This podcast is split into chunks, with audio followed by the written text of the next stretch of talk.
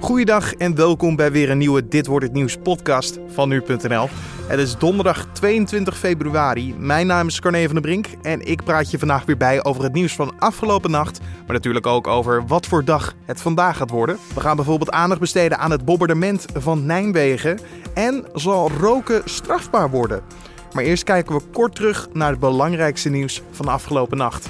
President Donald Trump heeft gezegd dat hij denkt dat het bewapenen van leraren ertoe kan bijdragen dat schietincidenten zoals op een school in Florida afgelopen week voorkomen kunnen worden. Daar schoot een oud leerling vorige week 17 mensen dood. Als je een leraar hebt die bekend is met wapens, zou dat een aanval heel snel kunnen beëindigen, al dus Trump. Sven Kramer heeft via social media zijn excuses aangeboden voor het gooien van de medailletegel tijdens de huldiging in het Holland Heinekenhuis.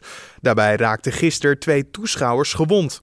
Het Nigeriaanse leger heeft 76 schoolmeisjes gered uit de handen van de islamitische terreurorganisatie Boko Haram. Ook zijn lichamen van twee meisjes aangetroffen. Dit hebben drie ouders en een lokale bestuurder laten weten. Tenminste, 13 meisjes worden nog vermist.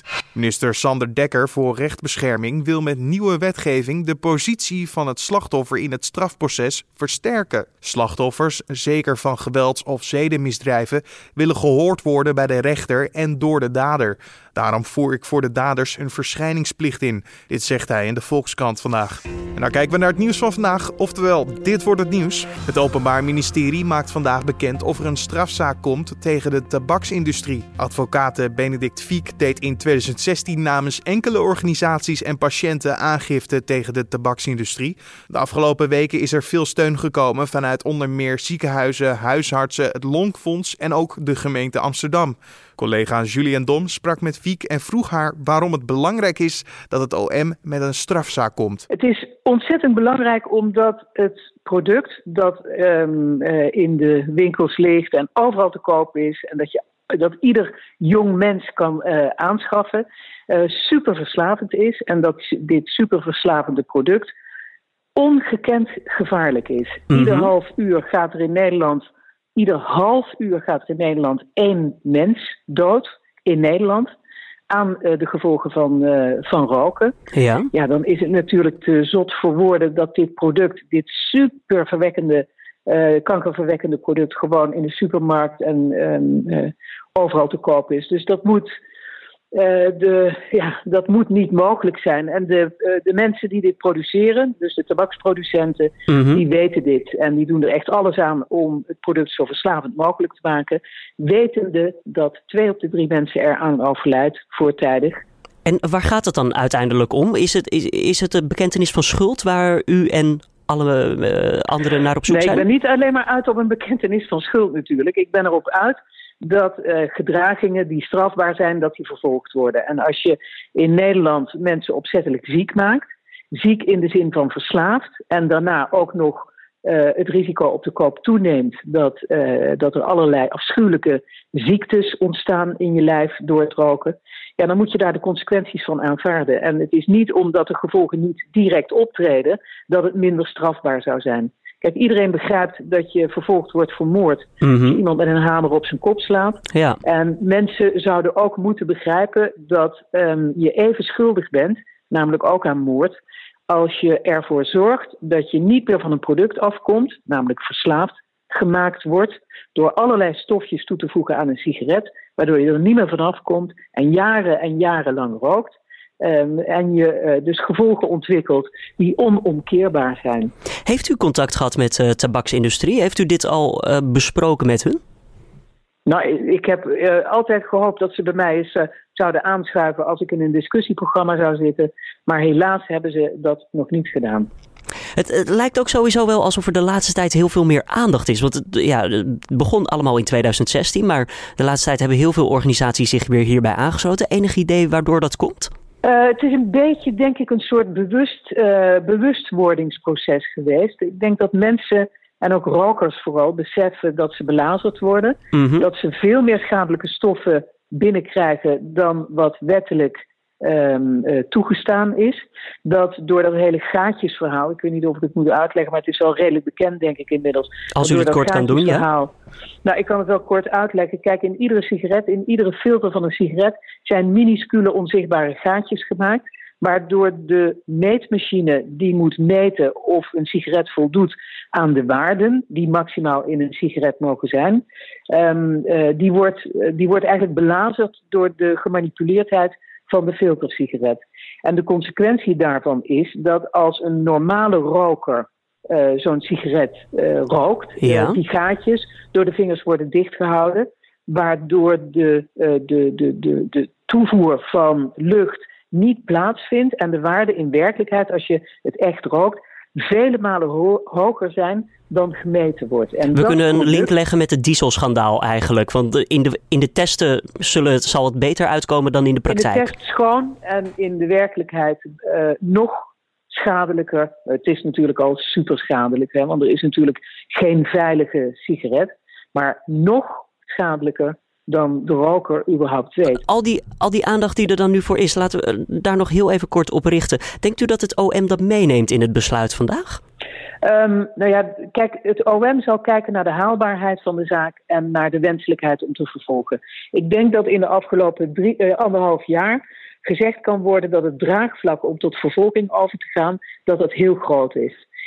Zo goed als alle artsen in Nederland staan nu achter de vervolging. Ook uh, de gemeente Amsterdam heeft uh, als uh, liefste stad van Nederland nu ook aangifte gedaan. Ja. Dus het komt erop neer dat het draagvlak enorm is. Als dan vervolgens gekeken wordt naar de haalbaarheid van de zaak, en ik ben ervan overtuigd dat die zaak haalbaar is, juridisch haalbaar, mm -hmm. uh, dan zou er tot vervolging moeten worden overgegaan. Later vandaag volgt het OM dus met een antwoord. En wat dat is, dat lees je natuurlijk vandaag op nu.nl.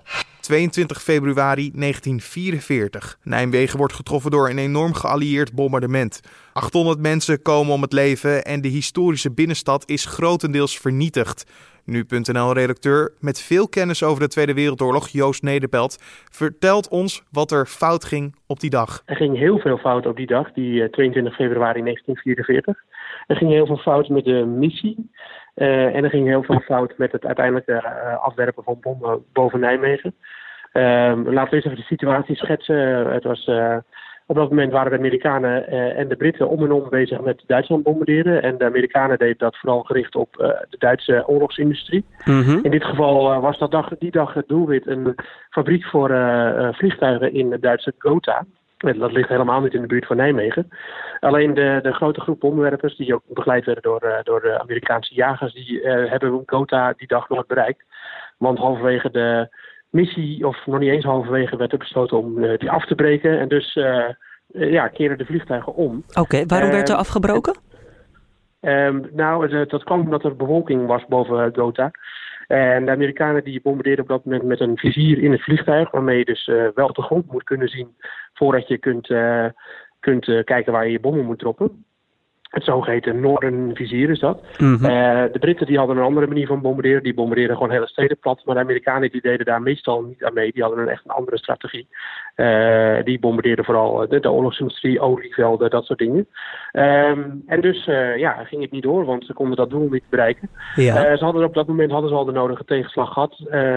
en dus ja, gingen ze terug. En ja, het was eigenlijk de doctrine om dan uh, doelwitten te zoeken die op de terugweg eventueel nog getroffen konden worden. Dus dat waren dan secundaire doelwitten. Oké, okay, gewoon wat je tegenkomt. Wat je tegenkomt.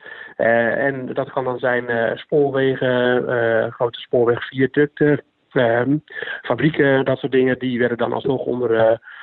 ja, werden dan gebombardeerd. dat heette dan de Targets of Opportunity. Oké. Okay. dus ja, en die, dat, daar viel Nijmegen en dan vooral het grote spoorwegnetwerk rondom Nijmegen viel daaronder. Hoe konden ze dan uh, dus, Nijmegen niet herkennen? Uh, ja, dat Nijmegen ligt natuurlijk vlak bij de Duitse grens. En tegenwoordig kunnen piloten echt op een, uh, op een kaart zien uh, waar ze vliegen. Maar dat was op die, dat toen die tijd helemaal nog niet zo. Mm -hmm. navigatoren in een vliegtuig die rekenen gewoon uit waar op een bepaalde manier of op een bepaald moment met een bepaalde koers en met een bepaalde snelheid zouden vliegen. En ja, als, dat, als daarvan afgeweken werd, dus dat was nu dus ook het geval, dan, uh, dan wisten ze niet meer waar ze precies waren. Ze wisten wel grofweg welke kant op gingen, want we hadden natuurlijk een kompas en een koerstol aan boord, maar ja. niet exact. Dus uh, ja, Nijmegen lag natuurlijk aan de grens met Duitsland. En ze zagen daar dat, is dan, dat neem ik dan even aan, een groot rangeerterrein. En die wilden ze onder vuur nemen. Trouwens, niet alle vliegtuigen die onderweg waren naar Gotha, dat waren er uiteindelijk maar een tiental, volgens mij veertien uit mijn hoofd. Mhm. Veertien zware bommenwerpers, dat wel, met echt genoeg zware bommen aan boord. en die wilden dus dat, dat rangeerterrein onder vuur nemen. Alleen, ja, dat is helemaal niet goed gegaan. Uh, wel in de zin van dat het rangeerterrein werd geraakt, maar er werd nog veel meer geraakt wat niet geraakt had moeten worden. Ja. En dan gaat het vooral met name om de, om de, de binnenstad van Nijmegen. Dus uh, ja, er wordt vaak gezegd dat het, uh, of werd vaak gezegd dat het een vergisbombardement was. Ja. Maar dat, dat, was het niet. Het was gewoon een slecht uitgevoerd bombardement.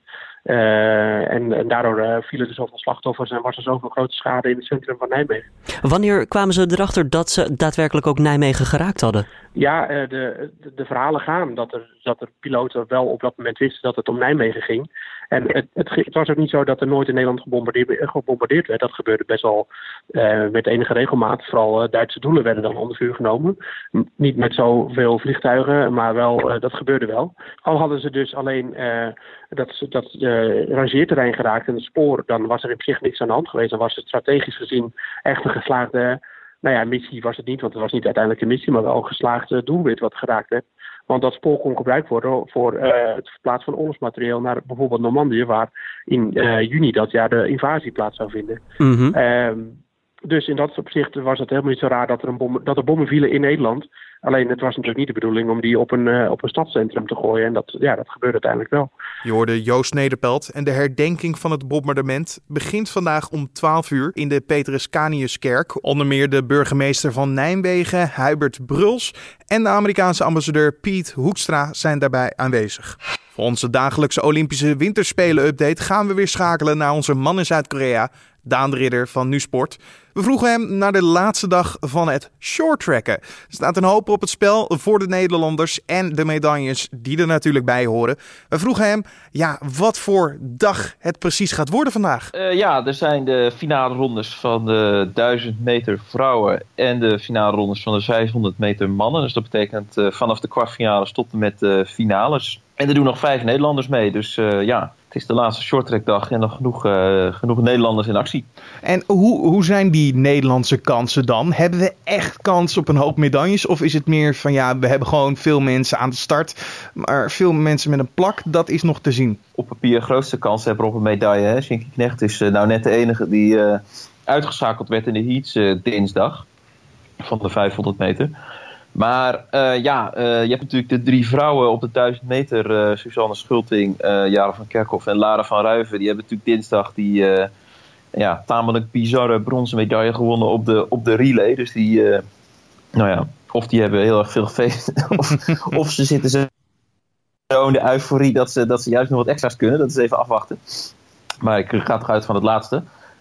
ja, ik, uh, ik zeg hier nu al uh, een paar dagen van uh, ik ga niet het shorttrack ga ik niks meer over zeggen of over voorspellen. Want, want ja, wat er dinsdag gebeurde, dat had natuurlijk niemand kunnen, kunnen zien aankomen. Hey, ik ga jou natuurlijk niet vragen wie jij denkt dat een, een plak kan krijgen. Want dat is wat je al zegt. Het is zo lastig om te voorspellen. Het enige wat ik jij wel kan vragen is: wie denk jij dat de grootste kans zou kunnen hebben? De mannen of de vrouwen? Nou, de, de vrouwen hebben, hebben een grotere kans. Uh, uh, Suzanne Schulting, ja, ja, Jaren van Kerkhoff, laten we daarmee beginnen. Die heeft natuurlijk al een medaille van de 500 meter. Die, is gewoon, die rijdt gewoon goed. En uh, ja, Suzanne Schulting, die, dit is haar beste afstand. En, en heeft nu de ervaring van, van drie Olympische onderdelen op haar eerste Olympische Spelen. En, en ja, zij, zij, kan, zij heeft ook al medailles gewonnen internationaal op op de 1000 meter. Alleen ja, ze moeten jammer genoeg eh, tegen elkaar in de kwartfinale. Mm Van Kerkhoff en Schulting. Zo, in, een, eh, in een rit met vijf. Dus ja, de, de kans is niet heel groot dat ze allebei, of tenminste, dat wordt heel lastig dat ze allebei doorgaan. Maar ja, zij hebben, zij hebben op papier de grootste kans. Maar ja, wat op papier staat, dat maakt allemaal niet zo heel veel meer uit met het short track. Je hoorde onze man in Zuid-Korea, Daan de Ridder. Dit gebeurt er verder vandaag nog. In het proces tegen Willem Holleder is het de beurt aan het Openbaar Ministerie. Het OM zal Holleder ondervragen over de verklaringen die hij eerder op papier heeft gezet in een 127 pagina's tellend dossier. En over wat Holleder de afgelopen zeven zittingsdagen heeft verteld. Afgelopen dinsdag liepen de emoties in de zwaar beveiligde bunker nog hoog op toen de verdediging zus Sonja ondervroeg. En daar kijken we waar onze collega's vandaag over schrijven. Het platform Scheiden zonder schade onder leiding van André Rauwvoet adviseert het kabinet morgen om meer werk te maken van ouderschapscursussen die beide ouders beter op de bevalling voorbereiden. De cursussen zouden door de zorgverzekeraars moeten worden vergoed, stelt de Telegraaf vandaag. De nieuwe hoofdvestiging van Unilever komt door de brexit waarschijnlijk in Nederland en niet in het Verenigd Koninkrijk. Dat is althans waar de Britse overheid rekening mee houdt. Onder meer de Leeuwarder Courant meldt het nieuws vandaag op basis van berichten in Britse media. En dan nog even het weer voor vandaag. Vroeg vriest het veelal licht. In de middag wordt het 4 of 5 graden en daarbij schijnt de zon vaak. Alleen het noorden zijn mogelijk meer wolkenvelden. De noordoostenwind trekt aan, maar doet dit wel matig. Dan nog dit. Bill Gates zakte volledig door het ijs toen Ellen DeGeneres hem aan een boodschappentest onderwierp in haar talkshow. De multimiljardair moest de prijs raden van een vijftal items uit de supermarkt en had werkelijk geen idee wat men daarvoor betaalt. Het was de eerste keer dat Gates de gast was bij deze talkshow. En we gaan even luisteren naar hoe dit ongeveer klonk. How much do you think rice aroni would be within a dollar? Hmm, five dollars. Oh, it's a dollar. Look, what a bargain. I'll take five. I know. you guys think less than ten dollars? Yes. Yes, we do. Yes, we think it is less. Uh, Totino's pizza rolls. I'll go with uh, 22.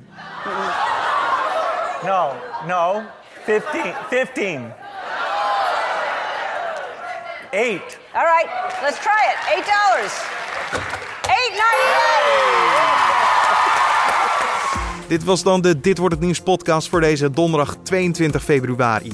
De Dit wordt het nieuws podcast is elke dag te vinden om 6 uur op de voorpagina van nu.nl of natuurlijk via iTunes of SoundCloud.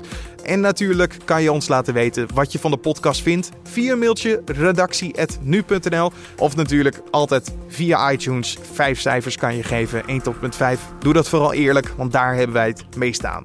Voor nu wensen we je een mooie dag en natuurlijk zoals altijd tot morgen.